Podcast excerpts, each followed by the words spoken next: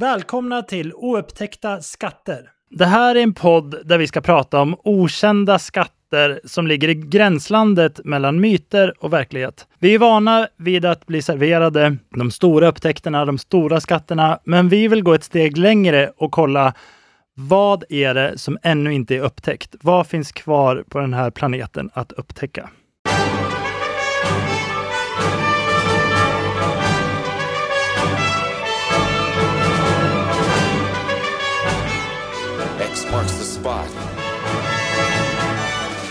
Jag heter Emil Sergel och är frilansjournalist med upptäckarglädje får man väl säga. Jag är inte arkeolog och har inte skrivit så mycket om arkeologi, men jag fascineras av ämnet och för ungefär ett år sedan så träffade jag dig, Rickard Holmgren, bland mumier. Ja, det gjorde vi. I källaren på Medelhavsmuseet. Ja. Ja, vi hade en kväll om äventyr vill jag minnas. Där vi eh, spekulerar lite i, ja, även sådant som vi kommer att prata om här. Oupptäckta skatter och vad är det som driver arkeologer och även vanliga människor att söka sig under jord eller in i djungler eller bortom flodkrökar. Folk undrar nog, vem är du, Rickard? Ja, jag är arkeolog. Det är så att eh, när man blir arkeolog eller om man vill bli arkeolog så får man ju specialisera sig. Och eh, jag har specialiserat mig på Mellanöstern och östra Medelhavsområdet kan man säga. Men har även kommit att gräva på andra platser i världen då som jag tror att kan vara till gagn för det vi ska prata om med riktiga äventyr och stora upptäckter. Du är ju också Sveriges svar på Indiana Jones som jag envetet försöker klistra på dig. Ja, vad jobbigt. ja, det, det, får väl bli så då. Det, det, där är ju lite farligt sådär när man är tidig, eh, inom, alltså, tidigt i branschen när man börjar med arkeologi. Så eh, är det lite sådär att det där vill man gärna inte prata om va? mellan kollegor för att då, då ger det en oseriös stämpel på arkeologin. Men som sagt var, det går inte att komma ifrån och så fort man pratar om arkeologi och speciellt eh, när man gräver i Petra och andra ställen i Mellanöstern så blir det ju per automatik Indiana Jones. Visst? Jag var i Petra för tio år sedan och då visas på alla hotellen visas ju Indiana Jones och, och den, de sista korstågen visas ju varje kväll där för Ja. att filmen utspelas. Ja, det, det går inte att komma in där utan att man ser en profil av Harrison Ford och annat. Så att eh, det är en, en, har blivit en turistmagnet också av den anledningen, absolut. Idag så ska vi faktiskt börja med Förbundsarken och Indiana Jones kan man väl säga. Ehm, vi ska faktiskt utgå ifrån filmen Raiders of the Lost Ark. Vad är det den heter på svenska? Jakten, heter det Ja, Jakten de på den försvunna skatten? Ja, det gör det. Det är ju väldigt eh, svepande alltså, att kalla det för en Ja, skatt. det får, ja. ja, så att, eh, nej men det är det. Men jag tror att Sverige är väl bland det enda landet som just har döpt det till skatten. Jag tror även, jag, när jag växte upp i Italien så vet jag att då pratar man om i Predadori dell'Arca Perduta, så att det är den förlorade arken som är grejen här. Alltså. just det. Raiders of the Lost Ark heter den ja, på engelska. Mm. Ehm, så vi ska faktiskt eh, lite grann gå igenom den här filmen och med Indiana Jones eh, glasögon eller kanske piska och hatt försöka, försöka mm, ta oss igenom och även se ehm, Ja, men vi, vi har liksom några, några intressanta ingångs, eh, infallsvinklar kan man väl säga kring just förbundsarken. Ja, eftersom det är som du sa i början här så är det ju så att många associerar arkeologi med, eh, med just eh, Indiana Jones och varför inte och titta på förbundsarken och eh, var kommer de här historierna ifrån och eh, vad tänkte sig Steven Spielberg när han satte ihop det här manuset med eh, George Lucas var det? Ja, precis, precis. Eh, vilket leder mig in på den kanske första och eh, viktigaste frågan. Eh, Rickard, har även du piska och pistol när du är ute och gör utgrävningen? Piska och pistol. Jag visste att du skulle Ah. fråga det. Ja. eh, nej, det är självklart inte va. Därför att eh, som jag fattar från filmen så är det väl något som dyker upp eh, som en ren slump. Är det inte så att eh, han får den här piskan när han eh, i en senare film Ja, eh, åker med ett cirkuståg där och där kommer han på idén. Så det, jag tror inte att det är något typiskt eh, eh, arkeologiskt eh, verktyg sådär. Eh, så piska har jag aldrig faktiskt sett eh, någonting. Däremot har jag sett eh, fruktansvärda saker. Alltså när jag var yngre och var med i eh, i Konungarnas dal och var med en ungersk utgrävning där när jag fortfarande jobbade som assistent kan man väl säga. Då eh, hade man ju lite eh, förmannen där gick omkring med piska för att eh, piska upp eh, liksom stämningen och då arbetsmoralen. Och det är ju väldigt främmande idag att tänka sig något sådant. Eh, men det är det närmsta tyvärr man kan komma en, en piska. Okej, det var inga som blev piskade men ungefär som man snäpper i luften för att, eh, ja, så att, och det här är inte länge sedan, så det här är ju slutet på 80-talet faktiskt. Ja. Och pistoler, det har man ju inte, det vet jag inte. Vi köpte ju pistoler en gång när vi, eller revolver när vi skulle gå genom Amazonas och det var ju mest för försvar och kanske för att man skulle ja, inte se ut som en eh, turist eh, därför att det är ju massa skumma typer som gömmer sig ute i Amazonas och eh, eh det finns både guldgrävare och, och, annat där som kan vara ett problem. Ent, inte minst Sentiero Luminoso som eh, regerade på den tiden när vi var där i början på 90-talet. Så eh, just en pistol är inte så vanlig på grävningarna men kanske om man nu ska ta ut svängarna i något djungelområde eh, och förmodligen inte idag då för att det har blivit svårare. Så att eh, det är kanske något som tillhör för 20-30 år sedan. Då. Just det, vi kanske får anledning att återkomma till det där, eh, till det där Amazonas-äventyret. Det låter ja. intressant. Ja, men, men jag vet faktiskt en annan, en kollega som nämnde en, en, djup, en, en eh, nu ska vi se, en tysk arkeolog tror jag det var, eller en eh, österrikisk arkeolog som jobbade i Egypten som då sades ha pistol, men inte på grävningen, men däremot att den låg eh, bevarad inne på i arbetsrummet ute på sajten då för att, ja, för att kunna försvara sig om det skulle vara någonting, om någon skulle komma. Eh, det är ju så alltså, eh, tyvärr har blivit så, nu har det inte varit så förr va, men ju mer arkeologin har eh, utvecklats i Mellanöstern och ju mer man jobbar i krigszoner så är det ju givetvis så att eh, man utsätts för en fara. Och det kan du ju inte i och för sig lösa med en pistol men man ska ju veta det att, att det har inte varit helt ofarligt för arkeologer som har jobbat i Irak och i Syrien. Nu är ju de flesta utgrävningarna inställda så då, alltså under, under sådana här perioder. Men eh, där om någonstans kanske det vore relevant att ha en pistol i hölster kanske till och med. Ja, varför inte? Mm. Piska upp stämningen. Du, du, vad är egentligen förbundsarken? Ja, förbundsarken, du, du tänkte på filmen här då. Ja, det vad kan man väl säga att eh, eh, den nämns ju alltså i, eh, kan man säga, i eh, den hebreiska bibeln. Så eh, det som är spännande med arken det är att den har faktiskt någonting gemensamt med Noas ark. Eh, i, ja, på så sätt att ja, lite i kristen filosofi så är det ju så att det, det är liksom en, en, kan man säga, en container som flyter på ytan hela tiden. Det finns ju vissa kopplingar med arken och en båt faktiskt. Eh, Eh, och det låter kanske lite långsökt men det är alltså, då tänker jag främst på frälsningen som sådan och tron som sådan. I tidig kristen filosofi så var det ju, så avbildade man oftast ett, ett skepp då som skulle flyta på vattnet och det, det var liksom räddningen, kristendomen då. Men eh, vad som är intressant med, med den hebreiska bibeln det är ordet tevat till exempel, det är samma ord som används för Noas ark, men även det här lilla vassknyttet då, som Moses slår flöt på i vassen. Så det, ah, det finns det samma. Mm. Eh, däremot eh, arken har inte haft samma eh, koppling i det sammanhanget men eh, man ska veta att det, det, är lite komplicerat i sammanhanget. Men hur som helst, förbundsarken eh, kan man väl säga att eh, Ja, det, den är ju en, en, vad kan man säga, en guldbeslagen träkista då och där, det var ju där som lagtavlorna bevarades som Mose fick av Gud på berget Sinai under eh, utvandringen mot det förlovade landet eh, som leddes då av Moses och, och eh, eh Aron, hans äldre bror. Och det här är ju lite eh, händelser som rent arkeologiskt och historiskt inte kan bekräftas, men man brukar förlägga händelserna någonstans mellan 15 och 1300 före Kristus ungefär. Då.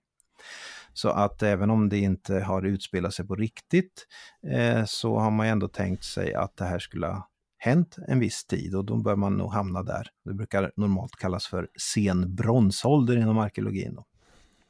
Så att den här, eh, det var en eh, guldbelagd kista med eh, de här lagtavlorna då.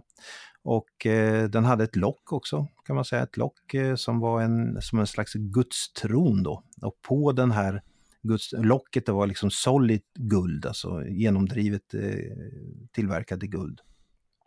Och på den här satt två gyllene keruber, så eh, man kan tänka sig ungefär som änglar, så, och de höll ut då vingarna över locket kan man säga.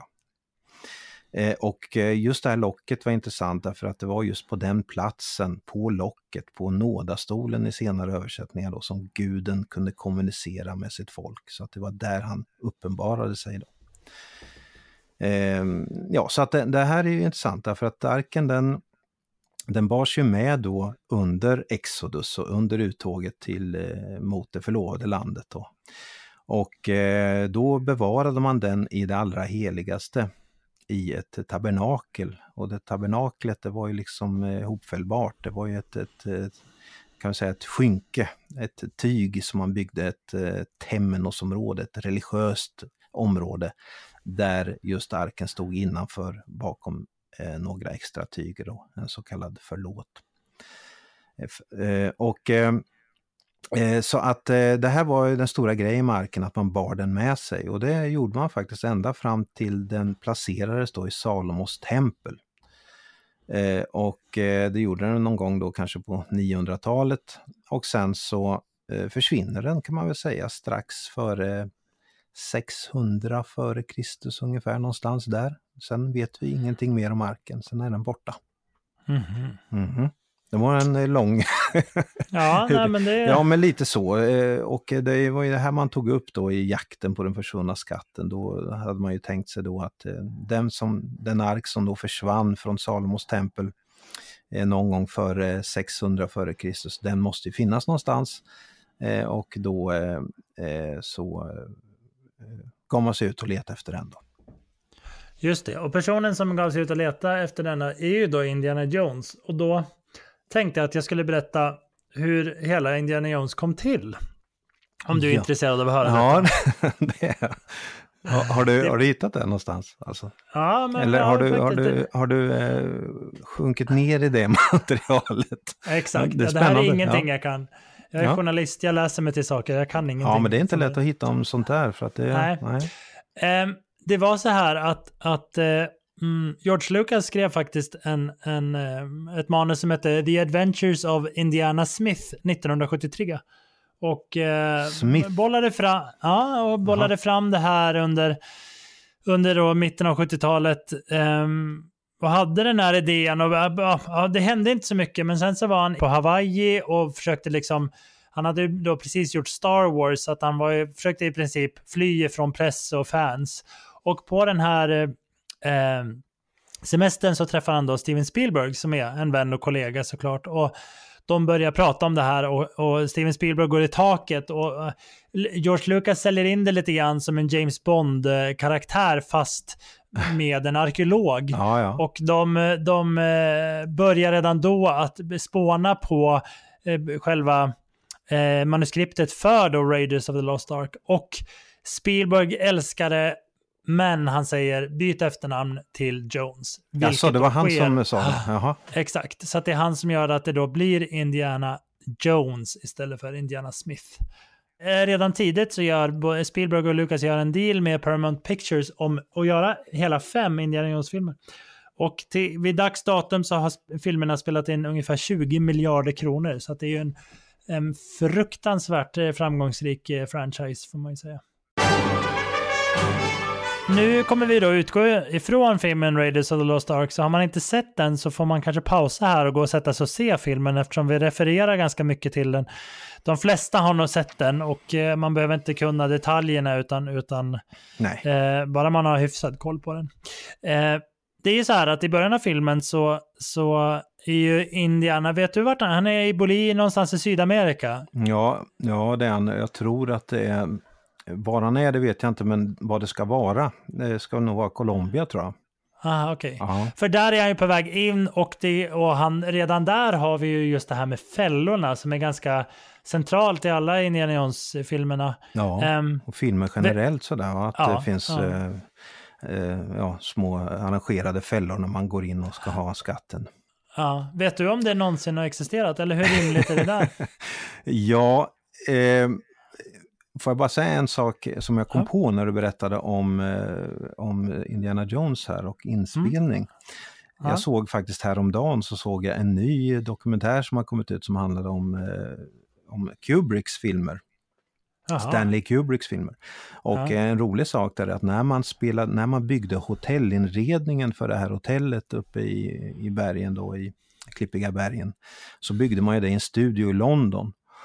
Eh, så även om hotellet är filmat utifrån så har man faktiskt eh, filmat, eh, byggt upp en kopia av ett hotell och gjort inredningarna i London. Men det roliga var att när man rev den inredningen så byggde man nästa film och det var det här rummet i Indiana Jones där alla ormar ligger, det här underjordiska rummet. Jaha. Ja, det är bara en parentes, men det är ganska eh, spännande att tänka sig att från Kubricks hotellobby till eh, ormarna under öknen i eh, Nildeltat. Då. Ja, Ja, ja. Men eh, f- fällor i alla fall. Ja, fällor, nej. Eh, eh, det vet inte jag, det kanske är liksom en, en, det har blivit så att alla som har drabbats av de där har ju aldrig kommit tillbaka. Precis, finns inga vittnen. Nej. Men eh, däremot så kommer vi väl kanske beröra det när vi pratar om kejsargraven i Kina, därför att där finns det ju faktiskt en Sema eh, Sema Qian, eh, en av eh, de tidiga historikerna i Kina, nämner ju just hur den här graven byggdes men också hur den förslöts och hur den arrangerades generellt. Och där eh, tror jag det nämns eh, just eh, armborst, automatiska armborst som skulle skjuta mot den som gick in i graven. Då. Mhm. Så att eh, det har ju inte hittats än på riktigt men kanske arkeologerna som öppnar den graven bör se upp om inte de har skjutit av för länge sedan på grund av någon jordbävning eller något annat. Men eh, så eh, vi vet att det finns i historiska materialet. Annars så finns det ju lite sådana här klurigheter eh, kan man väl säga. Jag tror att det finns ju en alla som är intresserade av pyramider känner ju till att pyramiderna i den gamla världen, eller vad ska vi säga, Egypten ska vi säga, där var ju pyramiderna gravbyggnader. Medan i Mesopotamien var ju pyramiderna i princip socklar som är staplade på varandra för att eh, kröna ett tempel ovanpå.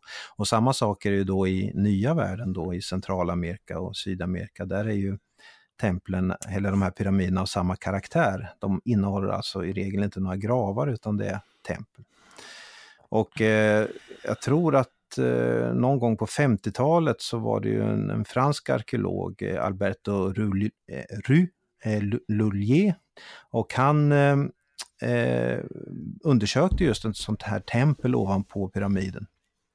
Och där eh, kom man ju på att man kunde ta bort en stenplatta.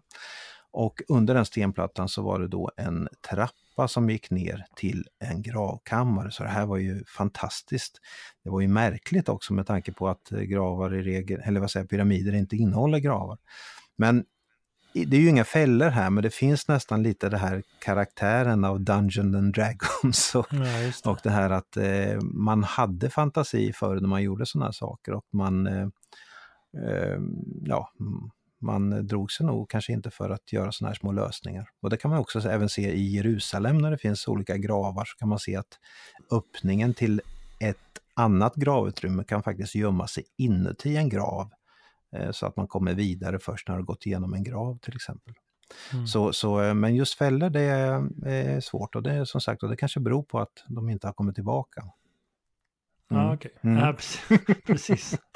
Du, eh, utgångspunkten i, i den här filmen och också i flera andra Indiana Jones-filmer är ju att eh, Indiana håller på att fightas mot nazisterna som då också ska åt samma, samma skatter. Mm. Alltså det ryktas ju att Hitler var besatt av det okulta. Och, och liksom, eller var det så?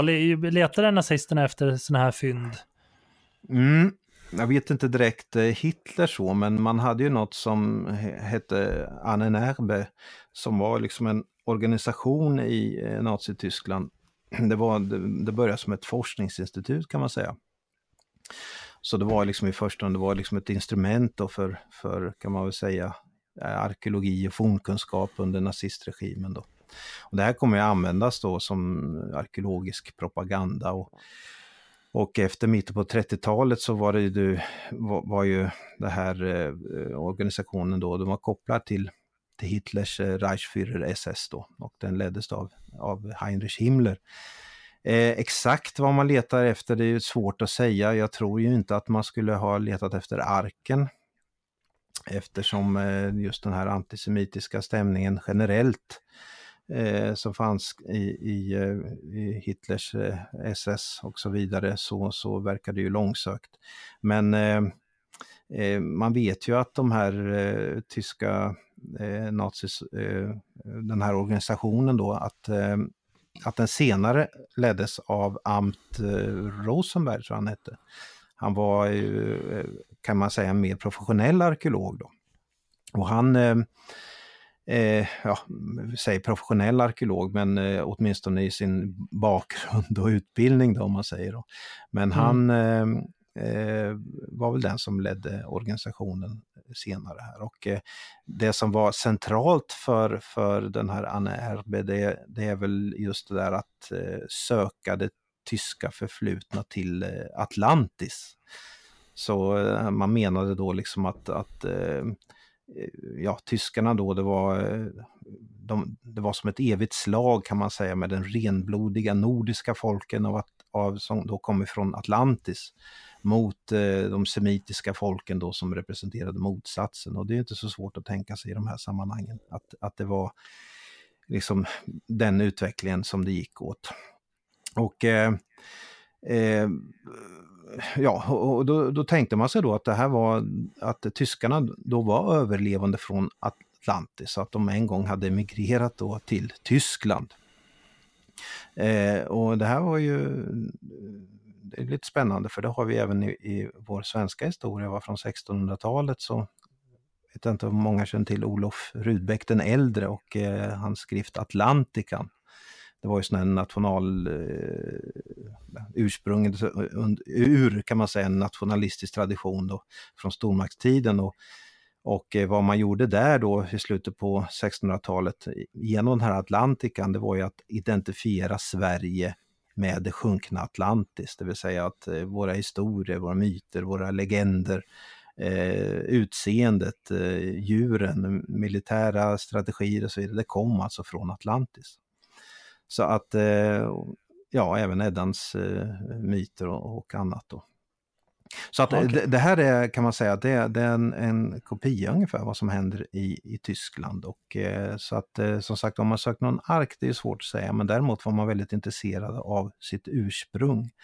Och det här eh, gjorde man även resor till Bolivia då på 20-talet och, och sökte eh, sig in i, uppe i Anderna, man var givetvis uppe i Tibet eh, och olika ställen. Då. Så att det här är ju absolut hämtat ur historien kan man säga, det som finns i filmen. Men som sagt var inte just arken, vad jag vet i alla fall. I, I filmen Raiders of the Lost Ark så eh, måste de ju först ha tag i Ras stav för att Ras. då använda den för att kunna hitta förbundsarken? Vet man, är det bara påhitt eller har den funnits i verkligheten? Nej, ja, nej det, det, har den ju givetvis inte för att då hade vi hittat arken. just, just, det. ja, nej, men eh, det, det, är ju ett påhittat koncept här och jag vet inte riktigt hur man har tänkt sig så här att eh, jag tror att om man tittar på den här eh, smycket då som som används i filmen, det, det ser ut som, det vet jag, andra har liknat det med en kopia av ett örhänge som har hittats i Tutankhamons grav bland annat. Aha. Så där tror jag själva den stilistiska bilden kommer ifrån. Då. Och sen står det, de har varit väldigt noggranna i, i Raiders of the Lost Ark på så sätt att de har ju faktiskt skrivit med fenisiska alfabetet runt om. Som då är, om hebreiskan utvecklas utifrån det här alfabetet. Och det här är ju eh, intressant att man verkligen har lagt ner arbete på det och eh, gjort det väldigt tidstypiskt då för sen bronsålder. Eh, mm. Sen kan jag ju tänka mig att Ra, Ra brukar ju avbildas som eh, som eh, ja, Ra som symboliserar eh, solen mitt på dagen brukar ju avbildas med en stav i handen. Det kan man ju se i många olika hieroglyfer hur Ra stoltserar med en stav i handen. Och man har säkert kokat ihop det här och man har tagit den här staven som Ra håller i som de har satt på en, en sån här bricka ovanpå då med inspiration från Tutankhamons grav och sen gjort en fantastisk eh, berättelse av det här tycker jag. Det är väldigt, var ju väldigt spännande när man såg det här när man var liten.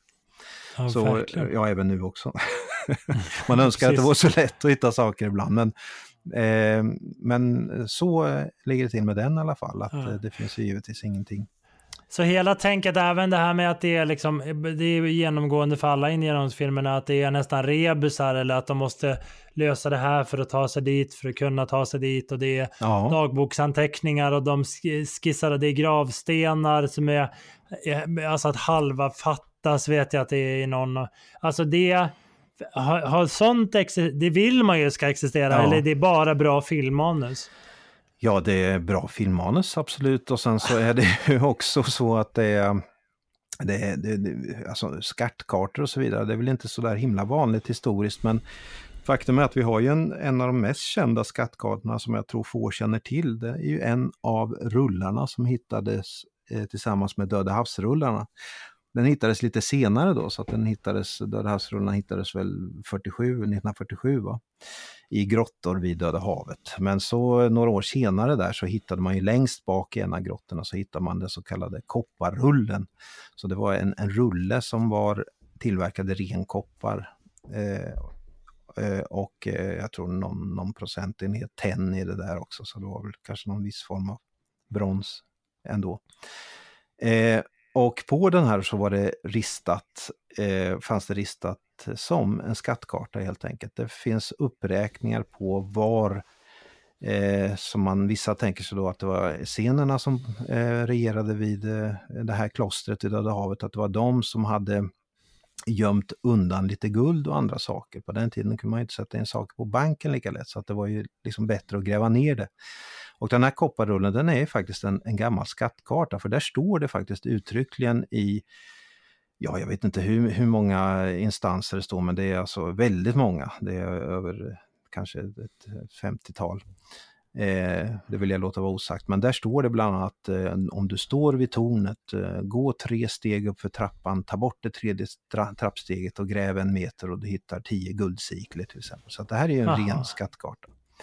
Eh, problemet varför man inte har eh, letat fram det här gömda guldet och som kanske gömdes av scenerna, det eh, beror ju på att man vet inte var man ska börja. Var är det där tornet eh, som står jämte trappan?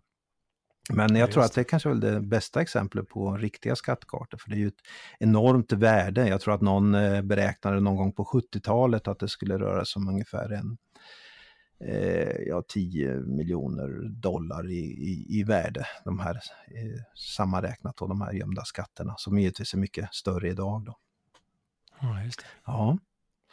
Hopp, du, eh, vidare. Um, vi vet ju alla att Indiana Jones är godhjärtad och han uh, säger vid flertalet gånger “This belongs in a museum”. Ja. Um, och um, vilket uh, föranleder frågan, alltså det här med västerlänningar genom historien som tar hem skatter. Alltså, är det, är det verkligen rätt att göra så? Hur, hur, hur ligger det till med det där egentligen? Ja, det var ju rätt eh, på den tiden och det är väl många som tycker att det har väl inte varit helt fel eh, att eh, göra på det här sättet då, i och med att många länder som grävdes ut kring östra medelhavsområdet och annat då hävdar man inte ändå skulle kunna tagit hand om det här rent ekonomiskt, att bevara det och konservera det och så vidare. Men eh, rent principiellt så är det ju fel då kan man ju tycka. Eh, som det har varit långa diskussioner om idag. Man pratar om repatriering och så vidare, att lämna tillbaka föremål till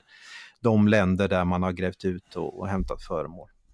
Så visst, det har varit enormt mycket skattjakt genom tiderna, ända från 1700-talet och genom 1800-talet där Eh, västerlandet i princip har släpat hem det mesta av arkeologiska skatter. Framförallt är väl ett, ett, ett bra exempel på detta är ju Egypten. Och jag tror ett ganska sent exempel var väl kanske för ett tiotal år sedan eller 15 år sedan när italienarna också uppmanades att lämna tillbaka en stor obelisk till Etiopien som man hade tagit därifrån. Och eh, grejen med det här det är ju det att det är ju så att mycket av de här föremålen som grävs fram, de har ju inte bara ett arkeologiskt värde utan de har ju ett kulturhistoriskt värde också. Det innebär att de människor som lever på platsen finner sin identitet, sin egen historia, identiteten till sin egen historia finner man genom olika föremål och monument. Och det är klart att släpper man hem dem så blir det ju inte bra. Det är ju ungefär som någon expedition från Kina skulle komma och, och liksom demontera Uppsala högar och ställa upp i något museum hemma. Det är, det är väl en ganska bra jämförelse. Så eh, ja, givetvis är inte det här bra, men det är ju bra för forskningen eh, på så sätt att man kan ju lösa det där mycket smidigare som vi gör idag till exempel på utgrävningar. Då, när vi hittar någonting så dokumenterar vi det och sen hamnar det ju i värdlandet. Eh, men om man vill ta hem det här för en stund för att studera det och, eller kanske att det ska vara med på någon vandringsutställning eller just det här att under tiden man studerar medan man skriver rapporten och sådär. Då kan man ju låna hem de här föremålen. Eh, och det blev ju väldigt jobbigt en gång, kommer jag ihåg, med när vi hade fynd från Döda havet som vi skulle få hem för en stund. Och, och då var vi väldigt oaktsamma och eh, när vi hittade då elfenben så skrev vi det i i listorna där, Ivory. Och vi hittade lite fågelägg också så i gravarna. Då stod det där Birds Egg och det här blev ju, tog ju hus i helvete hos uh, tullmyndigheten. ja, just det. Elfenben och fågelägg ska man inte nämna i de sammanhangen. Och då upptäckte vi det att uh, Sverige hade liksom ingen vana i att hantera det här utan man kunde inte hantera det som arkeologiska föremål utan det blev då ett problem med detta. Då. Men det löstes ju sen i alla fall. Okay. Men, eh, men som sagt det är som du säger, det, det, visst är det problem, eh, det är det ju. Men eh, man är ganska medvetna om det här världen över idag. Så att, och de lokala antikvitetsdepartementen i olika länder där man där västerlandet eller andra länder gör utgrävningar, om det är Kina eller Japan till exempel, och om de gräver i Mellanöstern så är det väldigt hårda och rigorösa regler på Eh, hur fynden ska hanteras efter att man har grävt upp dem. Så att eh, de hamnar i, i det landet där man har grävt upp det. Indiana Jones säger även i filmen att, att man har letat efter förbundsarken i 3000 år. Um, stämmer det? Och alltså vet man, finns det några kända förbundsarken-letare eh, genom världshistorien. Ja, säger, säger de det, att de har letat i 3000 år? Ja, han säger det. det är ja, länge alltså. Ja, då är det ju tråkigt för då börjar man ju leta innan den försvann. Så, så att eh, stackars de som gav sig ut och, och letade då. Ja, just det, de första. ja, nej men så att vi tänker oss ungefär då att eh, om, om det nu har stått en, en, en ark, om det har stått en ark i guld eller om det har stått något annat i form av ett arkivmaterial, om man tänker sig att arken istället är ett slags arkivskåp med texter. Ja, då har det ju stått då i det allra heligaste från början då i Salomos tempel så att eh, om det nu försvann då strax före 600 så kanske man började leta strax därefter så då började man ha letat då i 2 500 år. Eh, och visst, många har ju letat. Eh, det finns ju exempel kanske från korsriddartiden man letade efter sådana här föremål. Eh, eh, just religiösa föremål, men jag tror att de, de bästa exemplen som vi har med mest eh, säkra exemplen är väl från senare tid, modern tid. Det, det tycker jag det är väl titt som tätt det dyker upp på Discovery-kanaler och annat eh, när det är någon som försöker komma arken på spåren. Då. Just det. Eh, och ett sånt där ställe har ju varit bland annat i Etiopien. Det är väl den hetaste alternativet då för att kunna hitta någonting. Och då menar man då att Menelik den förste, eh, han heter ju Ibn al-Hakim på arabiska, han eh, ska ju då vara eh, avkomma, son till eh, Salomo själv, kung Salomo själv och eh, drottningen av Saba. Så att eh, det här har ju stötts och blötts också historiskt. Man vet inte ens om Saba, drottning Saba från södra Arabien har existerat. Men om hon nu har gjort det och de hade en son och han hette Menelik den första eh, så finns det nog en tradition om att han skulle ha tagit arken till, eh, till Etiopien och där den bevaras. Och det säger man ju även idag i staden Axum till exempel. Där säger man att arken ligger i en källare och tas fram och bärs runt i en slags processionståg då. Eh, jag tror det är kanske en gång om året eller kanske oftare eller mer sällan, det vet jag inte. Men eh, där ska den finnas och den bevakas då i källaren där av en ung pojke som aldrig får lämna byggnaden. Eh, så det är väl den, den vanligaste referensen till var egentligen arken skulle kunna finnas idag. Och det skulle kunna tänkas att eh, om det nu finns något historiskt eh, koppling till det här så kanske man inte bör gå via eh, drottningen av Saba och Menelik utan kanske den kom ner till de här regionerna via Egypten efter det att den fördes ut från Jerusalem under eh, kaot, kaotiska förhållanden. Och i så fall mm. så bör den kanske hamnat någonstans i södra Egypten då på, det finns ju en ö i södra Egypten som heter Elefantinön och där har man grävt ut ett judiskt tempel till exempel. Eh, jag tror att de flesta lämningar från det här templet, jag vet inte exakt dateringarna, men jag tror det är 300-400-tal före Kristus. Men där skulle man kunna tänka sig att det är en, en, eh, någonting som skulle kunna åtminstone skapa traditionen om varför eh, arken skulle ha hamnat i eh, Etiopien. Då. Mm. Ja, men sen är det ju då givetvis folk som har sökt den på andra ställen. Mount Nebo, berget Nebo i Jordanien eh, omnämns ju även i Gamla Testamentet som en, en tänkbar plats. Och eh, Eh, sen är det ju då att det förmodligen är mest rimliga om arken nu har funnits i, eh, som en fysiskt föremål är väl att den egentligen är kvar i Jerusalem. Därför att eh, det heligaste föremålet då för hebreerna då det är ju så att eh, det vill man ju inte släppa hur lätt som helst. Så att eh, har man gömt det så kan man ju tänka sig att man har gömt det i Jerusalem faktiskt. Eh, okay. ja. Och det är ju lite det som är tanken med det. är därför det är så mycket bråk i Jerusalem nu om just det här tempelplattformen. På tempelplattformen så finns det ju, eh, har ju muslimerna byggt en hel del byggnader eh, som kröner tempelplattformen och det här har ju varit ett problem då mellan judar och muslimer på så sätt att eh, judarna tycker det här är väldigt intressant med toppen på tempelplattformen därför att eh, Eh, där finns ju då rester av det som kallas för själarnas brunn. Och eh, den brunnen då eh, ska ju då kunna tänkas vara öppningen ner till en asyl eller ett, ett förvaringsutrymme där arken skulle stå fortfarande. Det vill säga under eh, Salomos tempel kan man säga. Okay. Eh, så det är därför man eh, ber mot klagomuren för att muren är just det, det som finns kvar från de gamla templen som stod, eller det är inte från templet men från de byggnader från tiden som det, som det här berör. Då. Mm. Så att det närmsta man kan komma idag är klagomuren. Men eh, kanske att eh, om det nu i de bästa av omständigheter så står det kanske en ark kvar där inne någonstans. Men det kan ju också stå någon annanstans och då blir det väldigt tråkigt om man bygger ett tredje tempel på tempelplattformen och arken står någon annanstans. Ja, just det. Ja. Men du, och... Men det kanske ska tilläggas här då att mm. Tempelinstitutet i Jerusalem, de har ju sagt det att de har gjort kopior nu av alla liturgiska, kan man väl säga, alla föremål som figurerade i templet. Har man gjort kopior av nu och är redo att använda i tredje tempel. Och eh, jag kommer inte ihåg vad jag läste där, men frågan kom ju då eh, naturligt eh, på tal där. Ja, men förbundsarken, har ni gjort en kopia av den också? frågade man då. Och då svarade de att eh, Tempelinstitutet här att nej, eh, det behöver vi inte göra. Vi vet var den står och när templet finns på plats, då bär vi in den. Så att säga. Så så är, förklarar man det hela. Spektakulärt. Mm -hmm. Så då behöver man ju inte leta, då finns den ju. ja men exakt. Ja, men, och, och min, eh, eh, nu börjar vi närma oss någon form av avslut här, men eh, varför vill man hitta den? I filmen så är det ju så att förbundsarken består ju faktiskt av Guds vrede och, och eh, Indiana Jones och hans kvinnliga kollega överlever ju för att de blundar. Ja. Resten dör ju i slutscenen.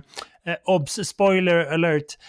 Men va, alltså, tror man att detta, alltså finns det någon som på allvar tänker sig att det... Du behöver inte ta någon spoiler alert på en sån gammal film. Det blir som en spoiler alert på Dimmornas bro eller något sånt. det är sant.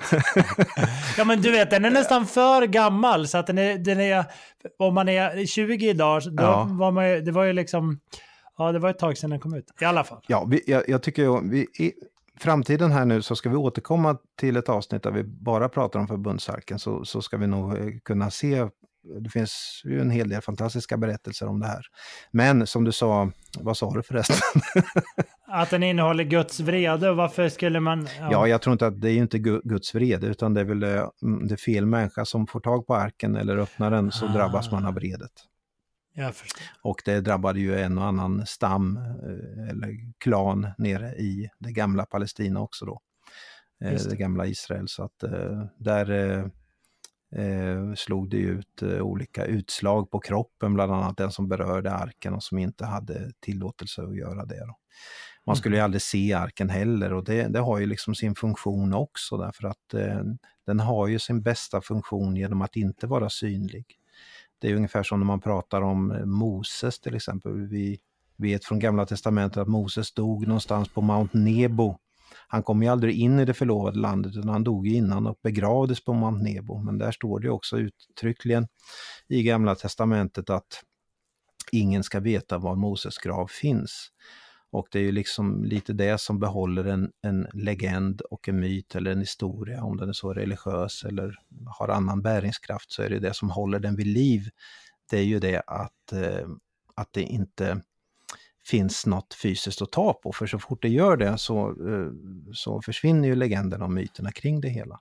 Det är väl det som är lite generella problemet med, med kan man väl säga, med, med eh, religiösa texter generellt sådär att många, om vi tittar på Gamla Testamentet till exempel, det grundar sig i, i muntliga traditioner som traderades runt området. Och sen när man är i mitten på första årtusendet före Kristus beslutade sig att skriva ner det här, det är ju då problemen uppstår. Då blir det liksom svart på vitt. Och det är just det här svart på vitt eller existens eller icke-existens som gör att det blir svårt att hålla eh, de gamla vägledande legenderna och myterna och traditionerna och historierna vid liv. Då. Så att det är inte meningen att man ska se den där och eh, det är ju därför den hela tiden doldes av ett skynke mitt inne i det allra heligaste i templet då kan man säga. Mm.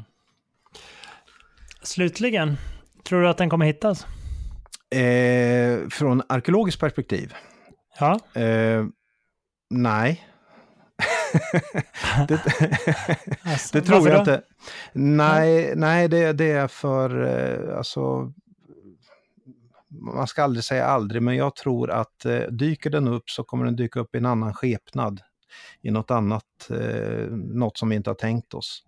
Det var därför jag tidigare när vi pratade här och nämnde om ett så kallat, eh, kanske ett arkivskåp mer eller mindre, där eh, eh, olika ja, levnadsregler och religiösa dogmer så att säga, finns nedskrivna. Och jag kan tänka mig att, eh, eh, att det är på det sättet att det egentligen handlar om ett textmaterial och, och i så fall eh, så eh, bör man ju nog, nog vara beredd på det så att säga. Så att det fyndet, det liknar nog mer något i stil med Döda havsrullarna eller kanske ja, ja, någonting annat, något textmaterial. Eh, eh, så det ska man nog vara beredd på i så fall. Och eh, vem mm. vet, mm. vi kanske redan har hittat förbundsarken om det är på det sättet. Ja, enligt vissa verkar det ju vara så. De vet ju vart den står. Kanske den där kopparrullen låg i arken. Nej, men den är mycket senare. Va? Men, men, men det är intressant det här med kopparrullen också, för en sak vi missade där. Och det är det att en av de här inläggen i kopparrullen som inte är en, en ledtråd till var en skatt är gömd. Det är alltså en ledtråd ledtråd till var nästa kopparrulle ligger som innehåller mer information. Så att det är precis som i filmens värld. Spännande. Ja, då har vi rebusen där. Mm. Ja, precis. Ja, men det var avsnitt ett i eh, våran podcast. Det gick väl alldeles lysande, eller vad tycker du själv? Ja, det tycker jag. Spelar Ja, vi in nu härligt. alltså? Ja, absolut. Ja, men det tycker jag. jag det, det är jättebra. Och det är bra att, eh, jag menar, som du sa här med arkeologi och Indiana Jones, det är många som associerar till det. Och varför inte då börja med förbundsarken? Det är ju eh, jättebra exempel på biblisk arkeologi och försvunna skatter. Verkligen. Tack så jättemycket för att du lyssnat och ehm, ehm, kom gärna tillbaks nästa vecka då vi ska prata om en annan oupptäckt skatt. Vilken vet vi inte riktigt än.